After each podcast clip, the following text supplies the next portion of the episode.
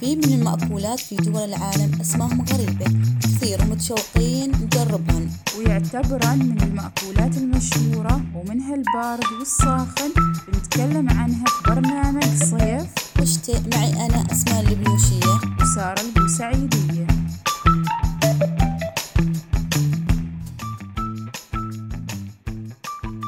المطبخ الفرنسي هو أسلوب الطبخ المستمد من الشعب الفرنسي وهو نتيجة قرون من التغيرات الاجتماعية والسياسية. اشتهر المطبخ الفرنسي في القرون الوسطى بالموائد الفخمة المزخرفة التي تستخدمها الطبقات العليا. معظم الأطعمة الفرنسية الموسمية أعدها الطهاة أمثال جيلام تيرال الذي عاش في عصر الثورة الفرنسية. مع ذلك يتجه الجميع في فرنسا إلى طعام أقل في التوابل وأكثر في الأعشاب. بدأ ذلك الفكر فرانسو بيلوفريان ثم أتبعه نابليون بونابرت وغيرهم من كبار الشخصيات. يا سلام على المعلومات الجميلة. ما أعرفك إنك مثقفة؟ يا هلا بالعبقرية صراحة حبيت أعيش هالاسم. من يوم يومي مثقفة بصراحة شدتني هالمعلومة كثير وبعد الأكلات الفرنسية لذيذة. أعطيني أشوف أسماء الأكلات حساء البصل الفرنسي شكلها الطبخة لذيذة. زين اقري عنها يمكن نطبخها يوم وحدة. اليوم عاقلة وهادية غريبة بعد نطبخ الأكلة مع بعض؟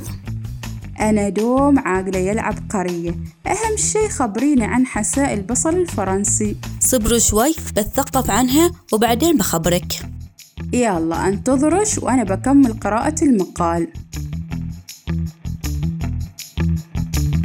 خلصت قراءة المقال. كيف أمورش؟ لا تقولي بعدني ما طلعت معلومات عن الأكلة شنو قالوا لك ما نشيطة؟ يعني قلت عبقرية فعبقرية مئة بالمئة. يلا اللي يمدح نفسه. كثير مشكلة صراحة. يلا قولي عن الحساء البصل الفرنسي. تعد شوربة البصل الفرنسية من الأطباق المغذية. والتي توفر عددا من العناصر الغذائية اللازمة لصحة الجسم إذا تحتوي كوب واحد من الشوربة على 101 سعرا حراريا و4 غرامات من إجمالي الدهون و9 ملغرام من الكالسيوم و317 ملغرام من الصوديوم و12 غرام من إجمالي الكربوهيدرات و12 غرام من الألياف الغذائية و5 غرامات من إجمالي السكريات. يعني هالحساء مغذي جدا للجسم؟ أيوة ومفيد لتقوية الجسم يعني اللي يحس نفسه جسمه محتاج طاقة ياكل من هالحساء. أحس جسمي محتاج هالحساء. وش رايش تطبخيلي؟ بدينا عاد من عيوني ما طلبتي. تسلم العبقرية. بعدين قولي ما أسوي لك شي يلا هذه أولها. خلاص شكرا. ما أريد شي كملي كملي. حساء البصل الفرنسي وصفة من أشهر الوصفات الفرنسية يقدم عادة حساء البصل قبل الوجبات الرئيسية ويحضر من البصل الزبدة والدقيق ومرق اللحم والخبز الفرنسي والجبن الأصفر والفلفل والملح على الرغم من كونه قديما في الأصل إلا أن الطبق شهد عودة شعبية في الستيني الستينيات في الولايات المتحدة بسبب الاهتمام الأكبر بالمطبخ الفرنسي والمنشئ الأساسي للطبخة هي فرنسا. يا سلام شهي هالطبق بخبرك عن المكونات هي وصفة سهلة ومشهورة في فرنسا وعليها إقبال كبير. لن تأخذ سوى 15 إلى 20 دقيقة من الوقت ويتم استخدام البصل فيها بكمية وفيرة وهي مفيدة وذات مذاق لذيذ. وشوربة البصل الفرنسية باستخدام الزبدة. المكونات البصل الزبدة والدقيق وخبز التوست وجبنة موزاريلا ومرق الدجاج أو مرق اللحم ورشة ملح والفلفل الأسود. حلو. وطريقة التحضير شنو؟ أشوفك متحمسة. أكيد. هالأكلة لذيذة بصراحة. أذيب الزبدة في قدر على النار ثم أضيف البصل. وقلبيه إلى أن يذبل ويصبح لونه ذهبيا. أضيف الدقيق إلى البصل وقلب المزيج جيدا ثم أضيفي مرق الدجاج أو اللحم. ويمكنك استخدام مكعب من المرق الدجاج. أضيف الملح والفلفل الأسود وحرك المزيج ثم اتركيه يغلي مدته ربع ساعة.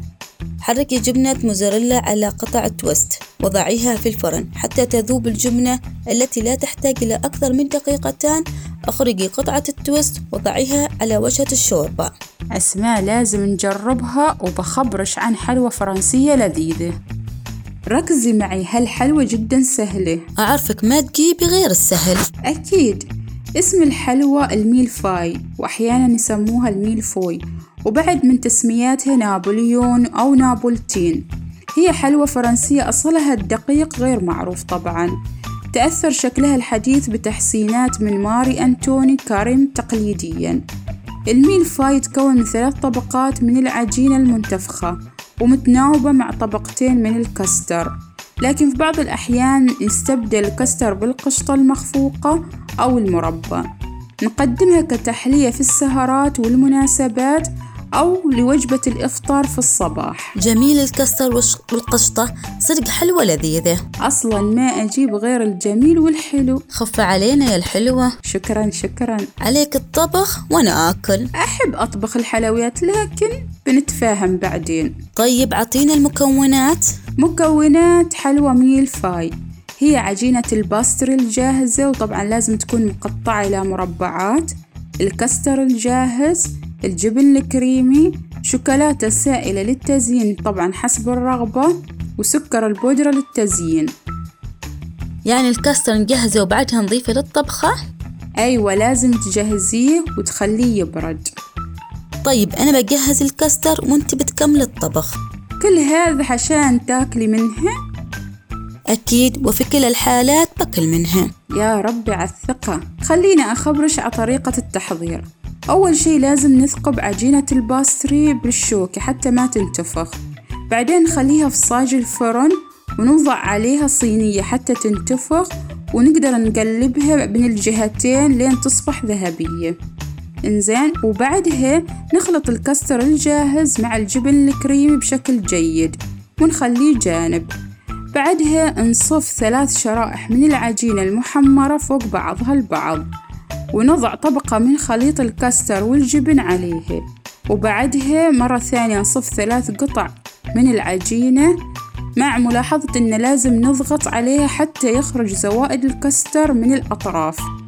ممكن إنه نضيف المزيد من الطبقات مع طبقة من الكاستر. طبعا طريقة التقديم نقدمها في أطباق التقديم ونزينها بالشوكولاتة أو سكر البودرة وتقدم باردة مع كوب من العصير. يامي يامي صدق إنها لذيذة. وبعد الطريقة سهلة متى بنسويها؟ لا تستعجل قريبا إن شاء الله. لما بتطبخي حساء البصل بطبخ الميلفاي سارة شي مقابل شي يعني أهم شي تعلمينا أكلات جميلة وحلوة. صدق اسماء وإن شاء الله بنتعلم المزيد. أكيد حتى نبدع في الطبخ. أكيد والأسبوع القادم أكلات جديدة بتكون. أكلات جديدة من دولة جديدة.